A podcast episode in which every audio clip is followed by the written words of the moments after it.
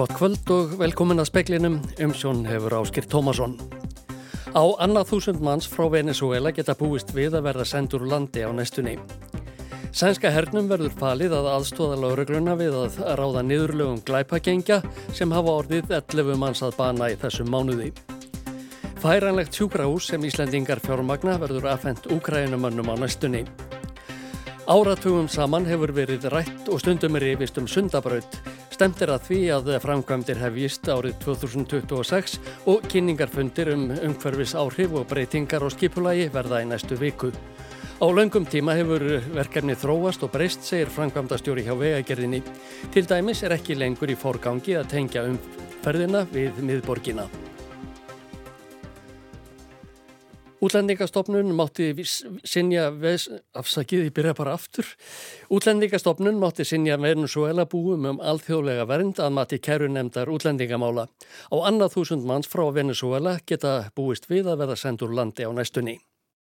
Bátt ástand hefur ríkt í Venezuela síðustu ár vegna kúunar tilbyrða og ofsókna einræðisherrans Nicolás Maduros. Frá því á síðasta ári fekk flóttafólk frá Venezuela viðbútavend en útlendingastofnun stöðvaði afgriðslu umsórna þeirra fyrir áramót. Það er mat útlendingastofnunar að ástandi í Venezuela hafi batnað. Því hóf stofnunin afgriðslu umsókna á ný. Á miðugudag hvað kæru nefnd útlendingamála upp þrjá úrskurði vegna ákvarðana útlendingastofnunar um sinjun. Þeirra hefur beðið með óþreyju þar sem þeir kunna hafa áhrif á umsóknir allra Venezuela búana sem hafa sótt um vernd frá síðasta hausti eða á annað þúsund manns. Tveir úrskurana tengjast málum samkynniðra manna. Í öðrum úrskurunum segir að þótt fólk eigi á hættu að verða fyrir mismunum eða áreiti sem hins egin einstaklingar sé það ekki á slíku stígi að flokkast sem ofsóknir eða ómannulega vannvirandi meðferð. Sem segir gætu úrskurðirnir haft fordamiskefandi áhrif á stöðu fólks frá Venezuela líkt og gerist í fyrra þegar nefndin feldi úr gildi ákvarðanir útlendingastofnunar um að sinja umsóknum fólks þar um vernd. Það var til þess að hundruð venusæla búa fengu viðbútavend. Ari Pál Karlsson sagði frá. Áverkar sem tveir brótaþólar í nýfstungu aðrásin í bankastrætti klöpp í fyrra hlutu voru lífshættilegir að sagna lækna sem syndu þeim. Lauragli hefur ekki enn fundið nývin sem notaður var í árásinni. Skýslu tökum í málinu lauk í dag. Heilbriði starfsmenn og lauruglumenn voru meðal þeirra sem gáði skýslur en læknar sem gerðu að sárum þreminingana sem raðist var á sögðu áverka tveggja þeirra lífsættulega. Annar mannana var með áverka innvortis og loftbrjóst og hinn með stungusár í slagað í læri. Læknarni fullirtu að ef ekki hefði verið gert að þessum sárum hefði það dreyið mennina til dauða. Sálfræðingur sem var með þriðja mannin í meðferð saði hann greinilega með áfallastreituröskun eftir árasina. Maðurinn upplifi enduteknar minningar af atvikinu, hugsanir um að þetta geti gerst aftur, eigi erfitt með svefn og sé meira á verði en áður. Laureglumadur sem stjórnaði rannsókn málsinn saði laureglu enn ekki hafa fundið nývin sem var notaður. Tölver vinna hafi verið lögði að bera kennsla nýfin á myndbansuptökum af atvikinu en ekkert sé vita nánaður um útlitt hans. Maðurinn sem ákerður er fyrir tilhörn til mandraps hafi játað í skýslutöku hjá, hjá lauruglu að hafa losað sér við nýfin í ótilgrindri rauslafötu í miðbænum en hann hafi aldrei fundist. Málflutningur fer fram í næstu viku. Dagmar Ösby Estensdóttir saksóknari sagði það koma í ljós þá hvaða refsingu ákervaldi sækist eftir. Ákjörvaldi getur haft einhverjar ákveðnar hugmyndir um hvað þetta getur leið út frá dómaframkvæmd og öðru en, hérna, en það eru þetta alltaf dómarinn sem á síðast orði með það. Þetta sagði Dagmar Ösp Viesteinsdóttir, Ingi Björg Sara Guðmundsdóttir tók saman. Vísbendingar eru um tengsl íslenskra glæpahópa við sænsk glæpasamtök sem staðið hafa í grimmilegum hjaðningavígum síðustu misseri. Þetta segir aðstór yfir lauruglu þjóttni í greiningardeild Ríkis lauruglu stjóra. Blóðu gengjastrið hafa geisaði svíþjóð undanfarin ár og hvort vekja umfang þeirra og harka færi stöðugt vaksandi. Fremst í flokki ferum þessa mundir glæpa klíka sem kallast Foxtrot sem þegar er farin að láta til sín taka í Nóriði. Raunólfur Þórhalsson, aðstofar yfirlauruglu þjóttni í greiningadeild ríkislauruglustjóra, segir ákveðna vísbindingar um að hún sé eitthvað byrjuð að þreyfa fyrir sér hér á landi en fátt bendi til þess að hún hafi útsendara hér ennþá. Skipulaðir glæpa hópar séu enguða síðu starfandi hér og þótt alvarleiki brota þeirra og átaka sé viðs fjærði því sem svíjar horfa upp á, þá megi finna ákveðin líkindi. Eh, ef við skoðum atbyrju undarfarana missera hjá okkur, þá eigum við e, núna sem er í, í aðal með fyrir, fyrir dómi mál þar sem að hópur fólks reyðist á, á, á annan hóp minni inn á skemmtistað með nýfum. Í kjölfara því voru, voru margir afleitir atbyrðir sem að, að lauröklan upplifi sem að tengdist að mati lauröklu þessu máli að þar var verið að henda svo kvöldu molotov eldsprengjum inn á svalir og að íbúðarhúsum. Maður vopnar haglabissu gekkin á, á veitikastæði miðbænum og hleyfti bara. Þannig að við erum að sjá ákveðna neikvæða þróun sem að má svona að, að einhverju liti segja að, skjótu gulum flöggum sem við þurfum að horfa mjög alvarlega á sagði Runolfur Þorvaldsson, Ævarur Njósefsson tók saman. Nánar verður rætt við Runolf í speklinum eftir fréttir. Alberto Núñez Fíhá, leðtoga líðflokksins PP á Spáni, mistókst að tryggja sér stuðning meiri hluta þingmanna til að mynda nýja ríkistjórn í atkvæðagreðslu á þingi í dag. 172 þingmenn greitu atkvæði með en 177 á móti. Liðflokkurinn hlaut flest atkvæða í þingkostningunum í landinu í júli en flokknum og bandalagi hans tókst ekki að tryggja sér meiri hluta og því þótti niðurstaðan við búinn. Það kemur nú í hlut Petros Sánchez, forsættisráþara og formans sósélistaflokksins að reyna við myndun ríkistjórnar. Takist ekki að mynda ríkistjórn fyrir lok november verður bóða til annara kostninga í janúar þeirra sjöttu á nýjum árum. Færanlegt sjúkrahús sem Íslandingar fjármagna verður afhengt úkrænumannum á næstunni. Það gagnast særðum herrmannum á vývöldunum en stjórnvöldi Íslandi stýra verkefninu og sjúkrahúsið var sett þar saman. Utanrikis ráþara hitti eisneskan kollega sinn í gær og skoðaði sjúkrahúsið í dag. Gert var ráð fyrir kostnaði upp á rúmlega miljard króna en forraðamenn allra flokka og allþingi samþyktu kaupin fyrir á þessu ári. Fjögur sjúkrahús af sveipari gerð hafa þegar verið afhengt. Ístarlögðu til eitt, þjóðverjar annað og norðmenn og hollendingar í sameiningu það þriðja. Þetta er sjúkrahús sem er keirt með eh, trukkum sem þjóðverjar gefa inn í verkefnið og hægt er að koma upp á örskott stundu. Eh, það er að taka móti sjúklingum innan hálftíma frá því að, að eh, það er byrjað að setja það upp og það er mm, tækjum búið og mjög upplugt og funkurandi og þetta eru tíu gámar með tjöldum sem að síðan tengja það saman. Segir Þórdís Kolbrún Reykjörð Gilvadóttir utanrækis ráð þeirra. Þótt uh, tækjabúnaðurinn sé mikið til þýskur er hugvitið íslenskt. Það er sérstaklega ánægilegt og gott að geta unni svona verkefni með eistum. Þetta er svo þjóð eins og Eistasaltsríkin eru sem að styðja hvað mest uh, við Úkrænu og þau eru mjög þakklátt fyrir okkar aðkoma þessu og gerir þeim þá kleift sumulegis að aðfenda fleiri sjúkrahús. Þetta er sjúkrahús nr. 4 sem að fer til Ukrænu. Saði Þórtís Kolbrún Reykjörð Gilvadóttir. Lóregla í Las Vegas í bandaríkjunum hann tók í morgun mann í tegnslum við rannsókn á morðinu og rapparannum Tupac Shakur árið 1996. Ekki hefur verið gefið út nákvæmlega hvert sakarefnið er. Shakur var skotinn þar sem hann beigð á rauðu ljósi í Las Vegas í september 1996 en morðingin var í öðrum bíl. Eh, Shakur lést sex dögum síðar á sjúkrahúsi. Morðið hefur aldrei verið upplýst. Sá handtekni heitir Dwayne Davis en lögreglega hefur þekkt til hans lengi. Hann hefur áður viður kent að hafa verið í sama bíl og skotið var úr. Bandaríski öldungadeildarþingmaðurinn eh, Dianne Feinstein er látin nýræðað aldrei. Feinstein var aldursforseti öldungadeildarinnar og hafði settið á þingi fyrir demokrataflokkin frá árinum 1992. Áður var hún borgarstjóri í San Francisco, fyrst kvenna. Það kemur í hlut Geimis Newsoms eh, ríkistjóra í Kaliforníuríki sem er ég framt demokrati að skipa eftir mann hennar út kjörtímabilið. Fænstín átti við nokkra vanhilsu að stríða hins síðari ár meðar annars vitglöp. Samherjar hennar vildu að hún segði af sér þingmennsku. Hún neytaði og hvaðast ekkert vita hvað hún ætti að gera í lífinu ef hún eh, gæti ekki setið á þingi. Meðalaldur þingmanna í öldungadeildinni er 65 ár. Svartur september segja fjölmiðlar í svíþjóðum mánuðin sem senn er á enda. Glæpagengi hafa orðið 11 manns að bana og valdið verulega eignatjóni með sprengingum. Á miðvíkudagskvöld voru tveir menn til dæmis skotnir til bana í Stokkólmi og kona lést í sprengingu í grænt við Uppsali. Ástandið í landinu er orðið slikt að það á sér ekki hliðstæður nokkur staðar í Evrópu, sagði Ulf Kristarsson fórsættis ráþara þegar hann ávarpaði þjóðina í sjónvarpi í gerkvöld. Jag kan inte nog understryka hur allvarligt läget är. Sverige har aldrig förr sett något liknande. Inget annat land i Europa ser något liknande. Kristarsson sagði að enginn væri óhulltur lengur í landinu fyrir glæpamannum, hvorki börn nýsaklusir borgarar. Hann hétt við að ráða nýðrulögum gengjana. Liðsmenn þeirra erðu eldir uppi. Sænskir ríkisborgarar erðu sóttir til saka og dæmdir til langrar fangelsisvistar og þeim erlendu vísaður landi.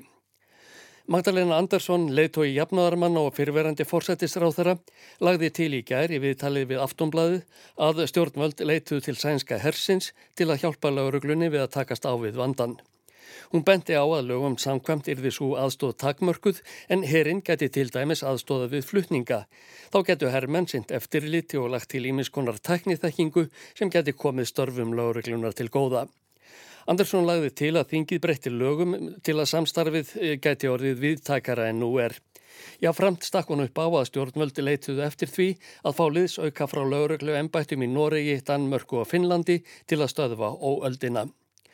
Póli Jónsson, varnarmálar á þeirra vísaði á bug hugmynd Magdalenu Andersson um að herin kemi lauruglunni til aðstóðar.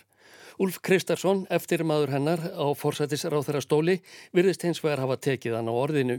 Í áorpi sinu í gerðkvöld sagðist hann hafa bóðað Michel Buden, aðstæða yfirmann sænska hersins og Anders Tornberg, ríkis lögreglustjóra á sinn fund í dag til að ræða mögulega samvinnu hers og lögreglu. Niðurstaðan var svo að herin verður kallaður til að fér Kristersson greindi frá að fundi með frettamönnum síðdegis. På torsdag kommer fatta ett regeringsbeslut om att uppdra åt Försvarsmakten och Polismyndigheten att ge och ta emot hjälp där specialkompetens hos Försvarsmakten kan stötta polisen. Á fymtudag verður kynnt ákvarðin stjórnvalda um að herin og lögreglan tækja höndum saman um að vinna að málinu þar sem sérþekking hersins getur komið lögreglunni til góða innan gildandi laga, sagði Kristersson. Hann nykti á að samvinnan yrði innan lagaramanns. Meðal annars getur sprengju öfna sérfræðingar hersins komið að borðinu og lögreglan geti þurft að fá herþyrlur sér til fulltingis. Það heyrir til algjöra undantekninga að fórsættis er á þeirra svíþjóðar áarpi þjóðina í sjónvarpi nema á hátíðis og tillidögum. Úlf Kristersson sagði í gerðkvöld að ástandið í Svíþjóð hefði farið sífælt versnandi á síðaslinum áratug. Á þeim tíma hefði lífshættulegum vopnum fjölgað þrefalt. Det är politisk naivitet och aningslöshet som har fört oss hit. Det är en ansvarslös invandringspolitik och en misslyckad integration som har fört oss hit. Pólitískum barnaskap og fáfræði er um að kenna að ástandið er orðið eins og það er, sagði forsættis ráð þeirra. Óábyrg stefna í inflytjandamálum og mishefnuð aðlugun hefur leitt okkur hingað. Útskúfun og hlýðarsamfélag hafa aukið á glæpastarfsemi þar sem börn eru meðal þáttakænda og fá þjálfun sem morðingjar framtíðarinnar. Sænsk lögjöf nær ekki yfir þetta ástand en við eigum eftir að breyta því. Nokkur glæpagengi hafa farið mikinn í Svíþjóð á síðustu árum. Þar hafa Fókstrótt og Dalin haft sig mest í frammi að sogn kunnúra. Engum hefur glæpastarf sem félagi Fókstrótt verið ábyrrandi að undanförnu. Þeim hópi stýrir að Rafa Majid, 37 ára sonur írakskra innflýtjenda sem settust það í uppsölum þegar hann var ungur að árum. Majid eh, gengur undir nafninu Kurdíski refurinn. Hann á langan glæpa ferilað baki í Svíþjóð meðal annars fyrir þjófnað, viðskipti með þýfi, peningaþvætti og smikla á fíknefnum og tópaki. Kurdiski refurinn þótti standa sig vel í skóla en á unglingsárunum var ljóst að undirheimarnir í Svíþjóð tókuðan til sín. Hann gerist umsföfa mikill í fíknefna viðskiptum og sapnaði að sér hóp ungra manna, jafnvel undir lögaldri. Þeir sáu um að halda keppinautunum í skefjum með skott og sprengju árásum ef þeir letu ekki segjast með orðum. Var, við, var við því fyrir tveimur árum að kurdíski refurinn væri orðin verulega umsvifa mikill. Þegar lauruglunni tókst loks að hakka smáforritið Enkotjat átt að hann segja á alvarleika málsins. Þegar átti að hafa hendur í hári glæpafóringjans var það orðið of sent. Hann var flúin úr landi til Tyrklands. Þar öðlaðist hann ríkisborgari rétt og nýtur þess að Tyrknesk yfir völd neyta að framsélja Tyrkneska ríkisborgara. Kurdarefurinn stýrir liðsmannum sínum frá Tyrklandi. Margir eru þeir enn á bartsaldri. Þeim er óspart beittið þar sem sænsk lög heimila ekki að ungmenni undir lögaldri fáið þunga dóma verði þau staðin að verki. Þegar ungumennirnir eru lausir eftir tveggja til fjögur ára betrunarvist eru þeir ornir fullgildir félagar í glæpagenginu. Glæpamenn í Fókstróttgenginu láta til sín taka víðar enn í Svíþjóð. Kristín Kvikne, yfirmaður norsku rannsóknar lauruglunar Kripos, segir að afskipti hafi verið höfð á undanförnum eh, misserum í sex lauruglu umdæmum af mönnum sem tengjast Fókstrótt.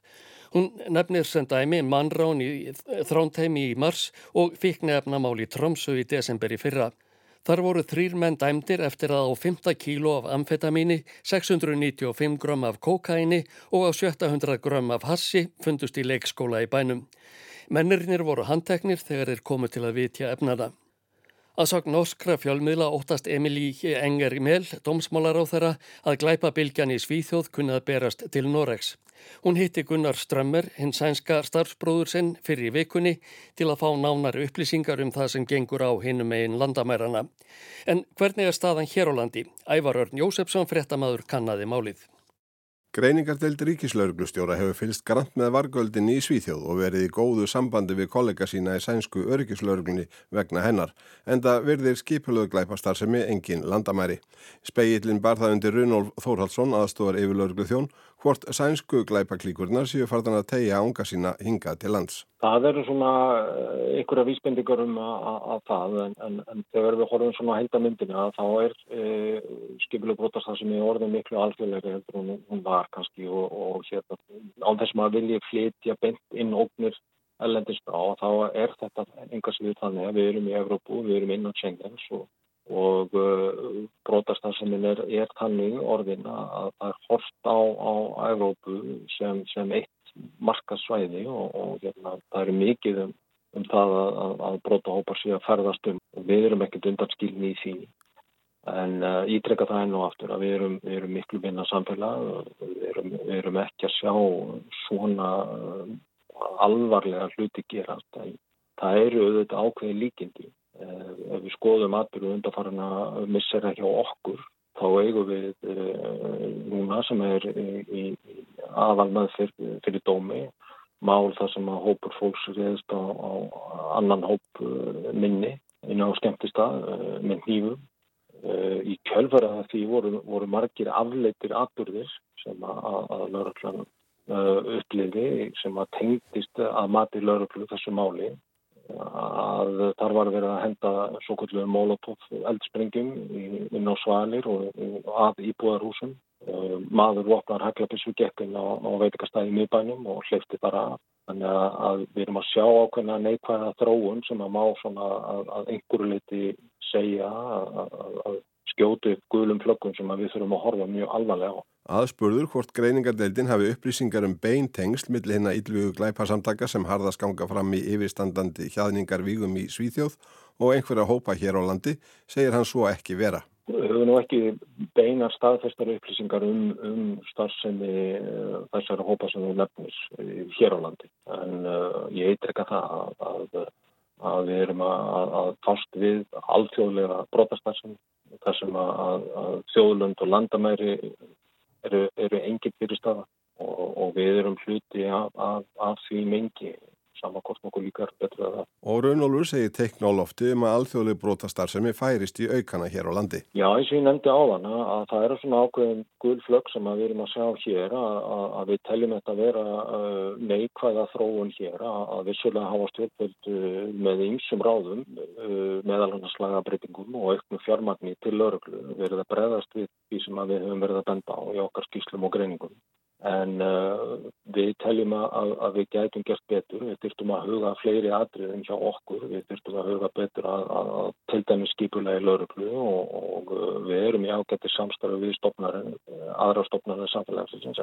Við þurfum að huga betur að upplugu forvarnastarfi í samvinni við skólana og, og, uh, og velferðarsvið og fleiri stopnarnir. Þannig að að við getum visslega gert betur og við höfum verið með eh, ráðleikingar um það bæði okkar skýslum og minnisblöðum og, og þetta er svona, svona það helsta sem við höfum verið að benda á það. Höfuðpörar Fokstrott og annara glæpasamtaka sem nú berast á banaspjótum í Svíþjóð halda sér fjari sjálfum árásunum eins og Ravad Majid, kurdiski reyfurinn sem dvelur í makindum í Tyrklandi. Þessi stað senda þeir kornunga menn og jafnvel börn út á vývöldin. Þetta eru aðalega drengir úr hópi jáðarsettra, jafnvel útskúaðra samfélagshópa sem auðvelt er að vela til yllvirkja. Hefur lögregla orðið vörfið að hér sé að myndast líkir jáðarsettir hópar sem gætu reynst erlendum glæpaklíkum auðvelt bráð. Já, það, það við höfum svona ákveðnar, vísbindingar um að, að, að, að það sé, þetta sé ekki ósvipu staða, þetta er náttúrulega allt saman enn og aftur ítrekka það allt á, á minni skala hér, við erum minna samfélag á hana, en við erum að sjá vísbendingar og höfum ákveðnar upplýsingar um það að, að ungir, já, ungt fólk sem að, að er í viðkvæmri félagslýri stöðu og, og, og, og mögulega finnur sig jáðarsett í samfélaginu, að þau eru þetta áhrifagjörn og það er auðvelt að fá þau inn í svona brotastar sem er Þannig að, að þessu höfu tölfur ágjur á og það sem að myndist nú kannski á að lögurklunni Malmö hefur verið að fókusera daldi á þetta að, að, að grípa ungmennin að reyna að koma í veg fyrir þetta. Þannig að vissulega er þetta eitt af því sem við erum að skoða hér. Og er einhver vinna hafinn í því að grípa þetta fólk og, og, og kæfa slíka, slíkar hérna ráningar í byrjun? Það er nú til dæmis, uh, já, það er einhver lögurlega ennbætti sem að hafa verið að tegja sig inn í skólana með, með svona forvarnastansemi og, og, og hérna vera og reyna að koma sér inn á samfélagsmiðlana. Við horfum þetta til Noregs hvað það var það. Noreg, norska lögurlega mjög öllu að vera inn á samfélagsmiðlum og reyna að ná til ungmanna þannig og uh, þannig að svo vinna er hafinn hjá okkur og, og við þurfum að, skerpa hana og, og hérna og vinna, vinna áfram að að ebla, ebla það að, að ná til uh, unga fólksins okkar. Saði Raunólfur Þórhaldsson, Ævarur Njósefsson tók saman.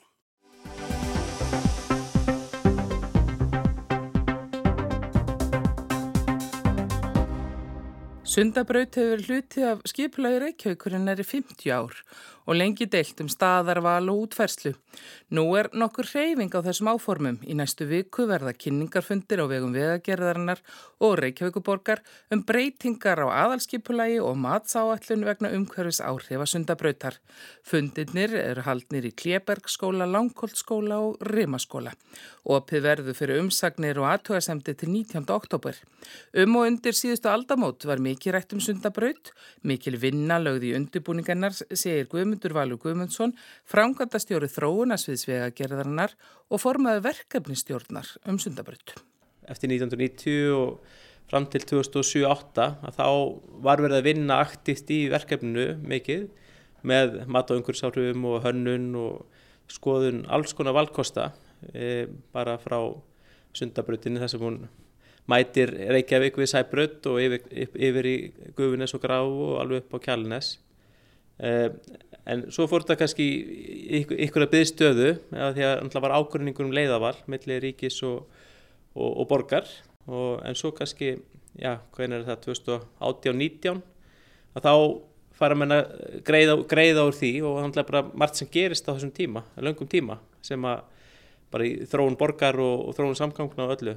Sundabrautin verður mikilvægur hlekkur í samgangu kerfi höfuborgarsvæðisins. Eh, Reykjanesböt er svona á sem liggur alveg frá flúvelli má segja í gegnum Hafnarfjörðu og Kópavóg og gegnum Reykjavík og upp á eh, Kjálnesið þar sem maður tengi bara við Vesturland og Norrland þannig að það er svona sem einn megin eh, stopnæð umferðarinnar þannig að, að sundabrautin er mörgum til að leysa það að kosti og, og, og það sem hún gerir náttúrulega er að í dag er bara raun, fyrst og fremst ein leið sem er gegnum ártúnsbrekkuna það sem eru yfir 100 spílar á dag og hún tekur ekkert við miklu meira. Spár og umferðarspár höfborgarsveið er alltaf að vaksa og sem þýðir meira umferð en, en með breytum ástum varandi almenningssamgöngur að þá eru vendingar um að stærsti hlutu aukningar umferðar eins, eins, eins mikill hlutu hægt er verið í formi almenningssamgangna en, en sundabrutinu verður náttúrulega bara eigur sveigarleikin í, í kerfinu að, að það eru tvær leiðir á höfbruksvæðinu. Guðmundur segir bóðað að kynningarfundi marka mikilvægan áfanga. Og þar er, undir eru í, í meinaturinn tveir grunnvalkostir sem er brú til mótsu Holtaveg yfir Kleppsvík og svo er það sundagöng líka sem að tengjast sæbrödd í báðar áttir og, og svo upp í Guðunes. Þannig að í yfirlýsingum borgarstjóra og innverða þar á sín tíma fyrir einn, tveimur árið síðan að þá eh, sammæltist er um að það, þessi báður kostir eru tekni til mats og, og veið og metið. Þannig að nú erum við að heyra e, sjónamið, almennings og nærumhverfis og allra sem á það náttúrulega verið hlustað við endalegt leiðavall. Kostunum sem velja um hefur verið fækkað verulega. Hæðbrúarinnar verður til umsagnar og hefur áhrif á bara starf sem í fagsafla og hafna og, og aðtapna svæðina þar. Þannig að kortum verði 30 metra, áður fyrir tölum með hábrú sem 50 metra eh, siglingar en nú erum við kannski meira að horfa á 30-35 metra en kannski verður hún lagri en 30 metra brú er hábrú. En hvenar verður afráðið hvaða kostur verður ofana? Fljótlega eftir áramót get ég trú að nú erum við búin að vera að vinna að uh, öllum þessum atriðum að hvernig sundabröndin mætir bæði lögadalum og sæbrutinni og hefur náttúrulega áhrif á aðtapnarsvæðin þar og hérna, íbúakverfin Eh, eins í Grafvóinum og Guðunessi að það er náttúrulega hvernig sundabörnir er að mæta nærungunum þar og þetta er það bara einn af þeim þáttum sem að, þegar menn fara velja endarlega um valkost, hvort þessi brúaða göng að hvernig þetta mæti bara markmiðum framkvæmdarinnar. Megin markmið er að lámarka þessi áhrif inn í hverfin þannig að það sé ekki með einhverju mótveðs aðgerum og allt það. Þetta er stór framkvæmd og hleypur á 20 miljónaða kostnaði. Já, já, fórum ítalega greiningar hérna fyrir tveimur árum 2021 að þá var sundabrúar verkefni var, var þá með þetta í kringu 70 miljardar eh, og meðan að gönginu voru nær 90 erum, erum í því endur með þetta kostnar áallin núna þannig að eru bara almenna verðhækkanir sem eru kannski 20-30% en þessi munir á milli valkostan er kannski þessir 20-25 miljardar en þá og hérna Nú erum við umhverfið þar sem við verðum að tala um að fresta mögulega framkvæmdum vegna bara stöðu í þjóðabúskapnum mm. og, og hefur það einhver áhrif eða verður það eitthvað verið rætt hér? já, að fresta eh, verkefni hafa bara sinn þroska tíma og líftíma það þarf tíma til að þroska verkefnin og eins og sundabröðar verkefni sem er byggt í dag er allt, er allt öðru sér heldur en það hefur verið byggt árið 2000 held ég Það er verið að tala um að fresta framkvæmdum og velja innan úr og vinsa úr já, samgöngu sáttmálunum en, en sundabröð tengist honum ekki. Hún tengist honum ekki beint en er náttúrulega er, eh, aðlíkjandi framkvæmdi samgöngu sáttmálunum tengja sundabröð vissulega eh, bæðið sæbröðarstokkur svo kallega og, og gattamöndu bústafveg, tengjast náttúrulega Reykjanesbröðinni þannig að allt þetta breytingar umferðarkerfinu hefur áhrif. Og auðvitað eru menn búin að vera byggju borgin ákveðin hátt af því að sundabröði er á skipulagi. Það er hafnastar sem í Álsnesi, það er mótökustuð Sorpu, innæðsvæði Leirvostungu í Mósusbæ og, og hérna, Esjumelum. Og allt byggir þetta á því að séu greiðar samgöngur at, fyrir atvinnulífið. Og öll þessi uppbygging raun og verið byggir á því að það er gert ráð fyrir sundabrönd og skipulagi. Það er búið að leggja, leggja línuna og svo er menn að skipulegja byggðinni kringu það. Þetta var Guðmundur Valur Guðmundsson, Anna Kristín Jónsdóttir talaði við hann. Veðurhorfur næsta sólaring, norðurlega 8-3-10 metrar á sekundu og dálit til væta á norðan og austanverður landinu, yfir lett bjartara sunnan til. Austan 5-13 á morgun en 10-15 siðst, dálit til rigning sunnan til og á vesturlandi en þurft að kalla fyrir norðan. Hitti 4-12 steg að deginum hlýjast á suðvestur landi. Það var helsti fréttum í kvöld að á annað þúsund manns frá Venezuela geta búist við að verða sendur landi á næstunni. Sænska hernum hefur verið falið að aðstóða laurugluna við að ráða niðurlögum glæpagengja sem hafa orðið 11 manns að bana í þessum mánuði. Vísbendingar eru um tengsl íslenskara glæpahópa við sænsk glæpasamtök. Færanlegt sjúkrahús sem Íslandingar fjármagna verður aðfendt úkrænumannum á næstunni. Fleira er ekki í speklinum í kvöld. Tæknimaður var Magnús Þorstedt Magnússon, frettaútsendingu stjórnaði Anna-Lísa Hermannsdóttir. Frettir verða næst sagður í sjónvarpu og á rást 2 klukkan 7, útvarps frettir klukkan 10 og frettir eru uppfærðar á vefnum allan sólaringin. Verði sæl og góða helgi.